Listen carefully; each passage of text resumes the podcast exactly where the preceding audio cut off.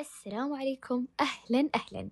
معاكم رؤى يونس مقدمة بودكاست مجموعة ورق.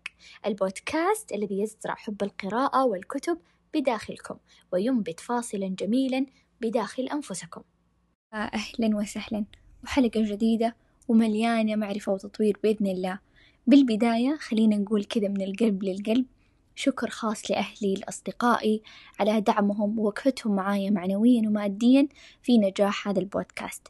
أملك لكم جميعا الحب والامتنان.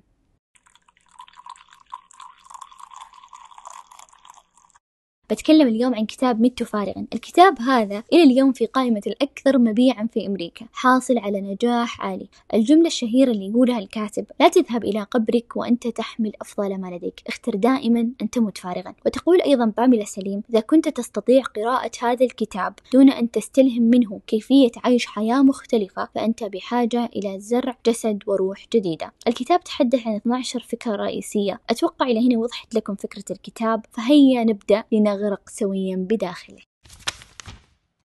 الفكرة الأولى مت فارغا. طرح التساؤل المصممة والمهندسة كاندي شانج. هو قبل أن أموت أريد أن. فالبعض كتب أن أغني لملايين من الأشخاص والبعض أن أؤلف كتاب والبعض أن أخبر أمي بأني أحبها. فأصبح عدد الذين شاركوا هذه العبارة حوالي أكثر من مئة شخص. أنتم أيضا اخبروني قبل أن أموت أريد أن؟ أستمع لجميع طموحكم وأحلامكم. من الناس اللي شاركوا هذه العبارة حققوا ما تم كتابته فأصبح البعض يظن إذا كتبوا سوف يتحقق بالفعل. طبعا لا تعني عبارة مت فارغا بأن أنفق كل ما في وسعي في حياتي المهنية. فأولا لا يتعلق الأمر بإتمام كل شيء اليوم. في كلمة يابانية تقول آه كاروشي يعني الموت بسبب الإرهاق في العمل. أصبحت الكلمة أكثر شعبية في الثقافة اليابانية. فكثرة الضغط على النفس تسبب عكس ما نريده في الغالب.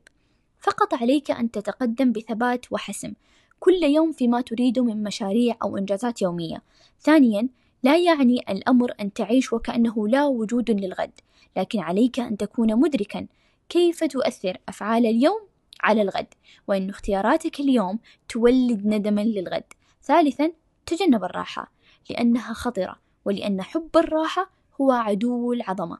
هي مرحلة ثانوية لكن لا تجعلها مرحلة أساسية لأنها ممكن تدمر حياتك. الفكرة الثانية إسهامك. في الغالب لا يعرف الشخص العادي ماذا يتعين عليه أن يفعل في حياته. مع ذلك يريد حياة أخرى تدوم للأبد. العمل هو جوهر التجربة الإنسانية. فيمكن أن يتم تحليل العمل في ثلاثة أشكال مختلفة. واحد وضع الخرائط. اثنين الصنع. والثلاثة التفاعل. لتجد في نهاية الأمر رقعة إسهامك الجميلة. أولا الخرائط.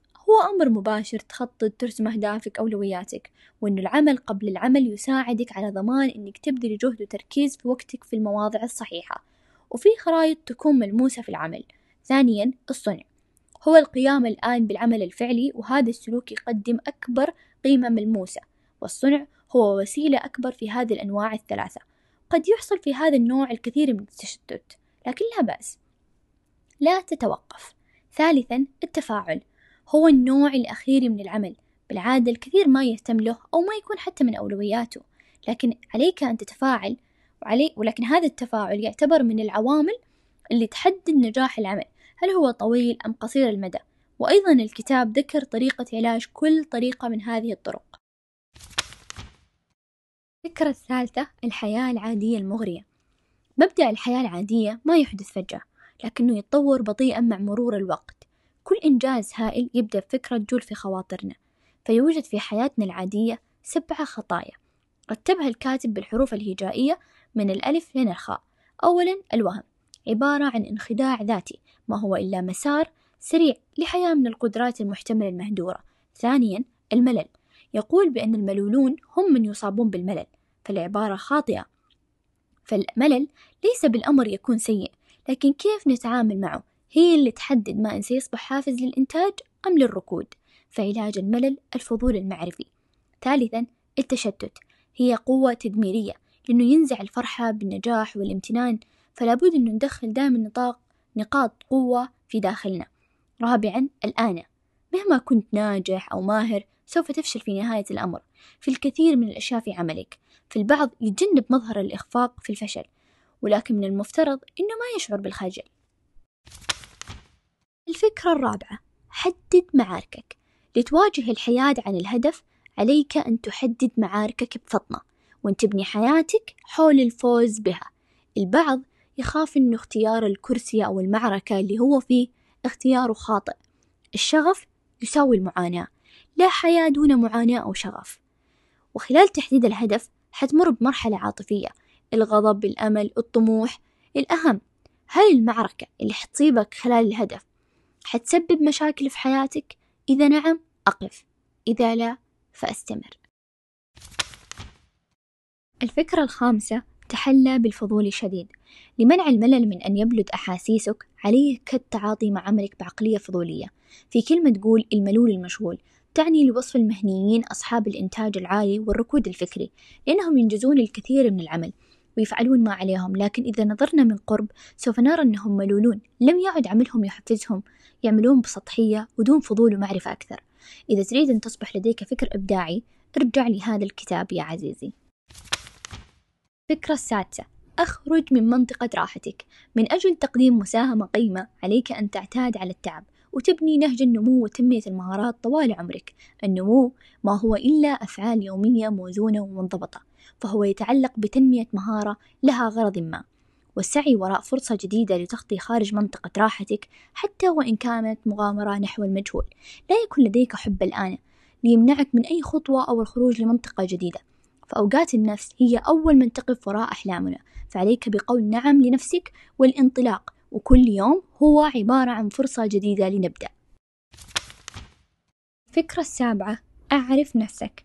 معرفة نفسك ستساعدك على مواجهة وهمك الذاتي. مقدار نفسك تساوي فقط ما تفعله. يقول الكاتب عليك أن تعامل الحياة كعالم تجريبي. استخدم هذه الأسئلة العملية.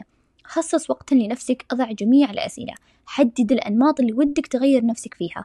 وجهز القائمة واختبر نفسك في هذا العالم التجريبي. وحدد كيف ستتعامل مع يومك وفقا لترتيب الأمور الأكثر أهمية. واصنع القائمة وراقب نفسك. هل أنت فعلا قاعد تصلح نفسك ولا ما تغير شيء؟ الفكرة الثامنة تأقلم بثقة. يقول الكفة المقابل للتضخم الآن هي التأقلم لأنها تساعدك على تأقلم نفسك مع البيئة اللي حولك وتخليك تحافظ على ذاتك. فعليك أن تثق بشدة وشراسة في قدراتك وإمكانياتك واختياراتك. لا تسمح أبدا لخوفك من زيادة حب الآن لديك. في المشاكل اللي تواجهنا بعالمنا تتطلب الثقة فلا تخلط بين الثقة وحب الآن. الثقة لا تبالغ في معرفتك فقط في قدر نفسك. فالبعض يضخم من حب الآن عشان إذا أخفق يقول هذه هي نتيجة خذلان الآخرين لي. فاجعل فارجع للكتاب وضع تحليل رباعي لذاتك وثقتك بنفسك. الفكرة التاسعة. ابحث عن صوتك. اكتشف صوتك وهاجم الخوف من الأخفاق بالحياة وتقدم نحو الأرض. عملك الرائع سينتج من إطلاق صوتك الداخلي وستكتشف صوتك في خطواتك الصغيرة خلال تجاربك الأشياء الجديدة ومختلفة يقول الكتاب بأن تقليد الآخرين جزء من اكتشاف صوتك الداخلي. الفكرة العاشرة ابقى على اتصال. اعمل على توطيد اتصال جوهري مع الآخرين لتمنع الحيطة من الإضرار بحياتك. إحنا بحاجة إلى الأشخاص الآخرين عشان يساعدونا على أن نبقى متسقين لنقدم أفضل ما فينا. لكن يمكن أن تكون بعض العلاقات غير مريحة أو صعبة في بعض من الأوقات. فقلة من الناس اللي يقدرون يبقون متسقين ويسهموا دون وجود آخرين في حياتهم ولمساعدتهم على إثارة شغفهم. هناك نوعين من الأخطاء اللي تدهور الفعالية والندم هي التجنب وتجاوز الخلافات. التجنب حين تؤجل مناقشة مهمة فأنت تفسد علاقاتك وتزيد من احتمال ظهور تحديات أمامك في المستقبل. وتجاوز الخلافات في اعتقاد خاطئ يقول إن الهدوء يساوي الصحة. في شركة من الشركات واجهت القليل من المشاكل خلال السنة. في مشرفة العمل قامت بتجاوز بعض الموظفين وبعض الزملاء اندهشوا وسألوها لماذا قمت بطرد بعض الموظفين؟ فقالت إننا نريد أن ننمي روح التعاون حقا فتعيين موظفين بناء على اختلاف وجهات نظرهم هو أفضل شيء على المدى الطويل حتى وإن كان مؤلم على المدى القصير. الفكرة الإحداش عش فارغا. في هذه النقطة وضع الكتاب بعض الخطوات وركز عليها. ولماذا المراجعة اليومية؟ الهدف من نقاط النظام اليومية هي إعادة التركيز على فعالياتك بدلا عن كفاءاتك. خمس خطوات تتبعها عشان تراجع نقاط إجرائية محتملة. وتهيئ نفسك للعمل الذي تفخر به لاحقا إن شاء الله. ركز على أخلاقك ركز على المهمة بشدة ركز على الأشخاص ركز على المهام وحدد دائما أولوياتك. فلا تجعل عملك يسير في ركبك عشوائيا. حدد هذا العمل يوما. وركز على نفسك. هل الأشياء اللي مرت اليوم طورتني؟ هل في شيء اليوم شعرت أنه دفعني للإنجاز؟ أنت في حاجة فقط. إلى تركيز على ما هو أمامك. فلتبدأ اليوم هو يومك.